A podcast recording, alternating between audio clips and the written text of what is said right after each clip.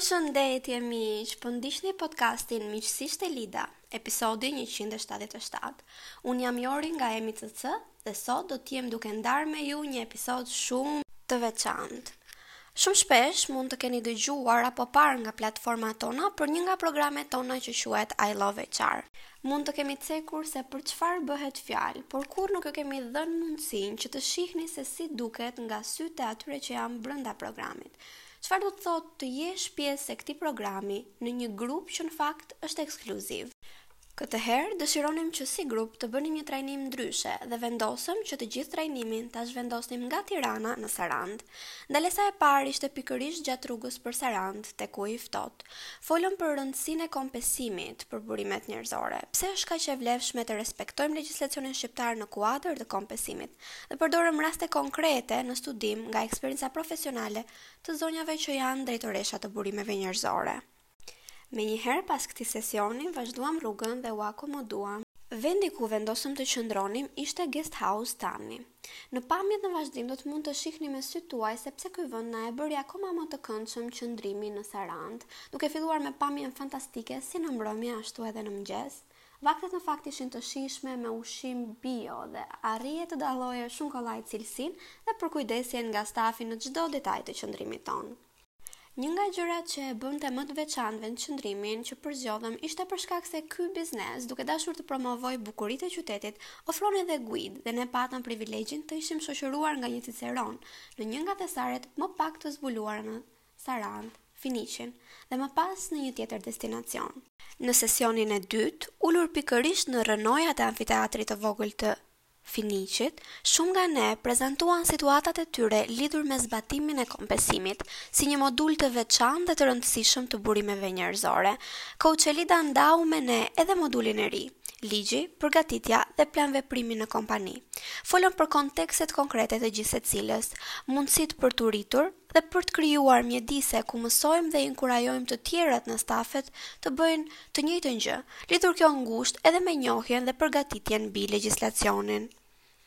Secila pjesëmarrëse në trajnim arriti të prezantonte pak nga kompania ku punonte, lidhur ngushtë me zhvillimin e saj profesional. Në të njëjtën kohë, koleget e tjera jepnin sugjerime se si kolegja që fliste të mund të përmirësonte më tej praktikat dhe proceset e punës. Pas një sesioni goxha të suksesshëm, vazhdimin e mësimit e çuam në Tatzat, një nga xhevahiret e Sarandës.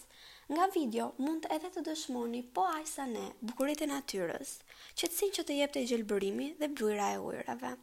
Në këtë sesion ne bëmë një nga aktivitetet më të dashura të asaj që Elida ofron në stërvitjen që u bën pjesëmarrësve që janë në grupet e Emi CC Coaching and Consulting, disa herë edhe është përmendur në podcastet e saj për Download Your Thoughts, një ushtrim ku pjesa teorike fillon dhe shkrihet me praktikën.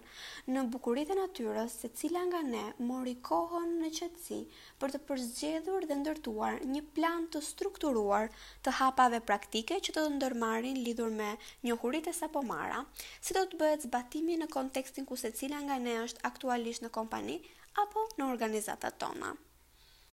Deri tani ju kam folur për eksperiencën, por dua të ndaj me ju çfarë ndodh me vetë programin. Ë uh, do filloj të flas shkurtimisht për atë që duhet të dini për I Love HR. Në fakt ky është një program stërvitje ose ndryshe coaching, me një përzierje mes trajnimeve online dhe offline, pra në terren. Kush mund të marrë pjesë? Themi që është një trajnim për burimet njerëzore. Në fjalë të thjeshta ky program ndihmon në përvetësimin e mjeshtërisë së udhëheqjes përmes njerëzve. Por, cilat janë modulet që ne mbulojmë? Ne flasim për rekrutimin, vlerësimin e performancës, motivimin e punonjësve, kompensimin, strategjinë e burimeve njerëzore, reduktimin e forcës punëtore dhe planifikimin strategjik të fuqisë punëtore. Le të flasim pak edhe për sa zgjat ky trajnim dhe çfarë përmban. Mbahet çdo muaj për shtatë muaj me radhë. Në këto shtatë muaj, në çdo muaj ka një seminar. Çdo muaj i dedikohet një moduli të caktuar, ashtu siç edhe e përmendëm më përpara. Në fund të çdo seminari, materiali i seminarit paraprin zbatimin e temës së kaluar drejt temës së ardhshme.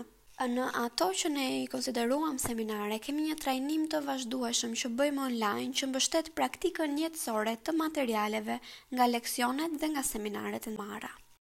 Ashtu si edhe për këtë udhëtim që ne bëmë në Sarandë, Një herë në tre muaj kemi aktivitetet në terren që janë gjithmonë të udhëhequra nga ato që konsiderohen klientët miq me certifikata Gold të EMICC. Klientët miq që janë duke plotësuar programin kanë gjithashtu mundësinë që në fund të vitit të marrin pjesë në aktivitetin vjetor të certifikimit.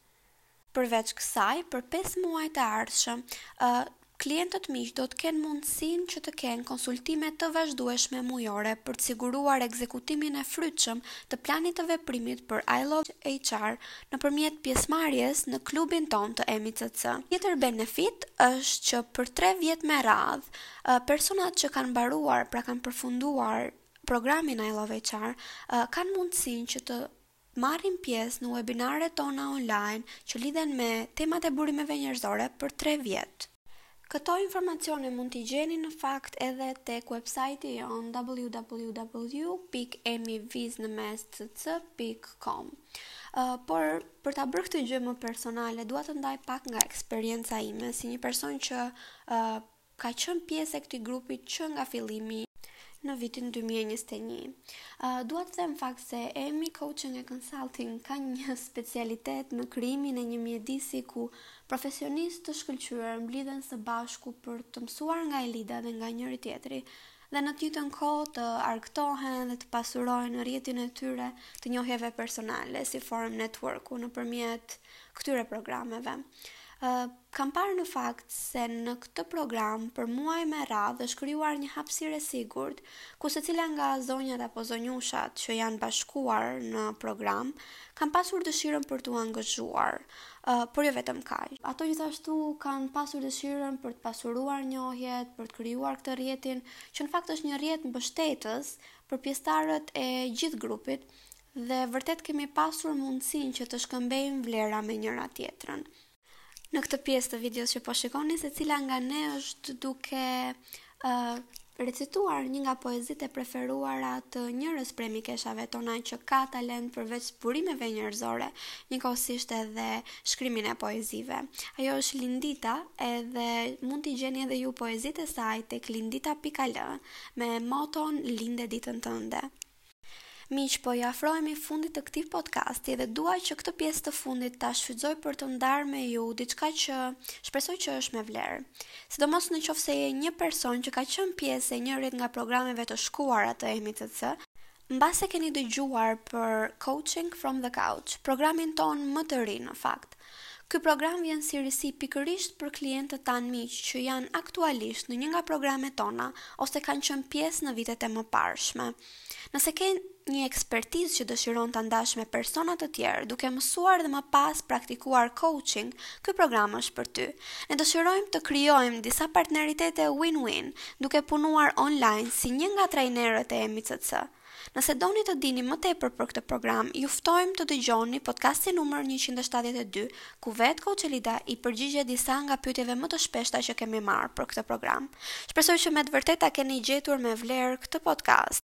Ju ftojmë që të na ndiqni në platformat tona, siç janë edhe paraqitur në ekran. Faleminderit për vëmendjen, ju uroj një ditë të mbarë!